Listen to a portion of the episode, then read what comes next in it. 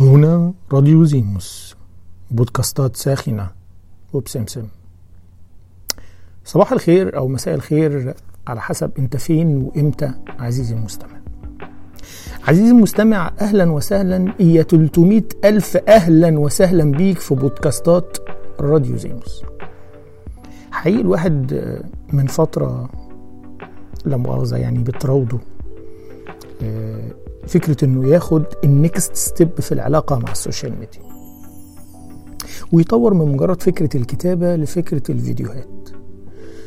ولأني رافض فكرة التيك توك من الأساس فكان التوجه ناحية اليوتيوب.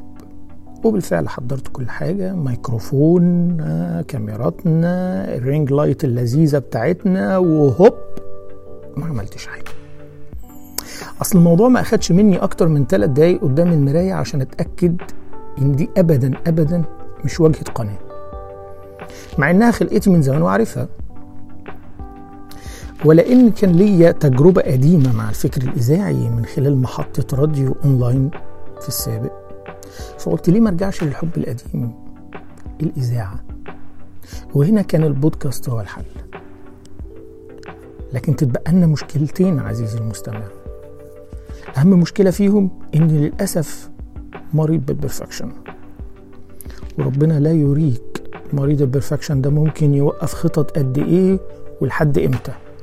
بسبب حاجات كتيرة جدا في الواقع خططه أو أعماله دي ممكن ما تكونش في الحقيقة in bad need ليها في البداية.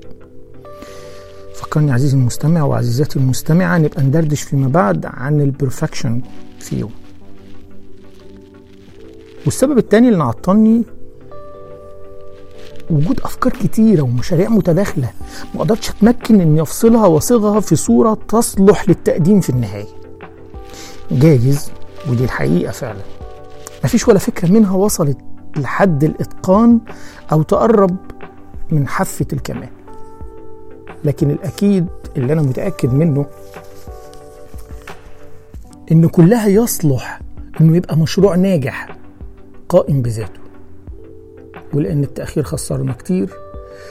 يبدو أن آن الأوان إني أحاول أصيغ كل الأفكار الأفكار دي من خلال بودكاست متنوع.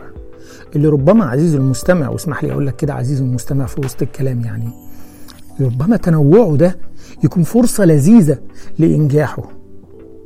عزيزي المستمع عزيزتي المستمع وزي ما قالت الفنانة القديرة منى زكي في أحد أعمالها إن الحكي بالكلام أصعب بكتير من الحكي بالكتابة. ودي جملة عميقة جدا في الحقيقة. تبدو الأول وهلة بلح. بس لو ركزت فيها هتتأكد إنها بلح. بس هينتابك بعض الشك حوالين إن كانت جملة بالعمق ده أو لأ. عموما سواء كان الحكي بالكلام أصعب أو الحكي بالكتابة أصعب. فإحنا عزيزي المستمع هيكون بينا غالبا إن شاء الله حكي كتير. راديو زيموس هو بودكاست متنوع بيمس معظم القضايا والأفكار والتحديات والهاتش اللي بنعيشه كل يوم. البودكاست موجود دلوقتي على حاليا البودكاست حاليا موجود دلوقتي على عدد من المنصات زي Apple Podcast وأنغامي بودكاست و SoundCloud وقريب على Google Podcast. عزيزي المستمع وجعت دماغك سامحني بس كمل جميلك وانشر البودكاست لأن كلهم أكدوا لي إنها بتفرق. فأنا حابب أعيش التجربة دي معاك. أنا وأنت وبس. وأعرف بتفرق ولا لأ. بتفرق في إيه. عزيزي المستمع شكرا. مع السلامة.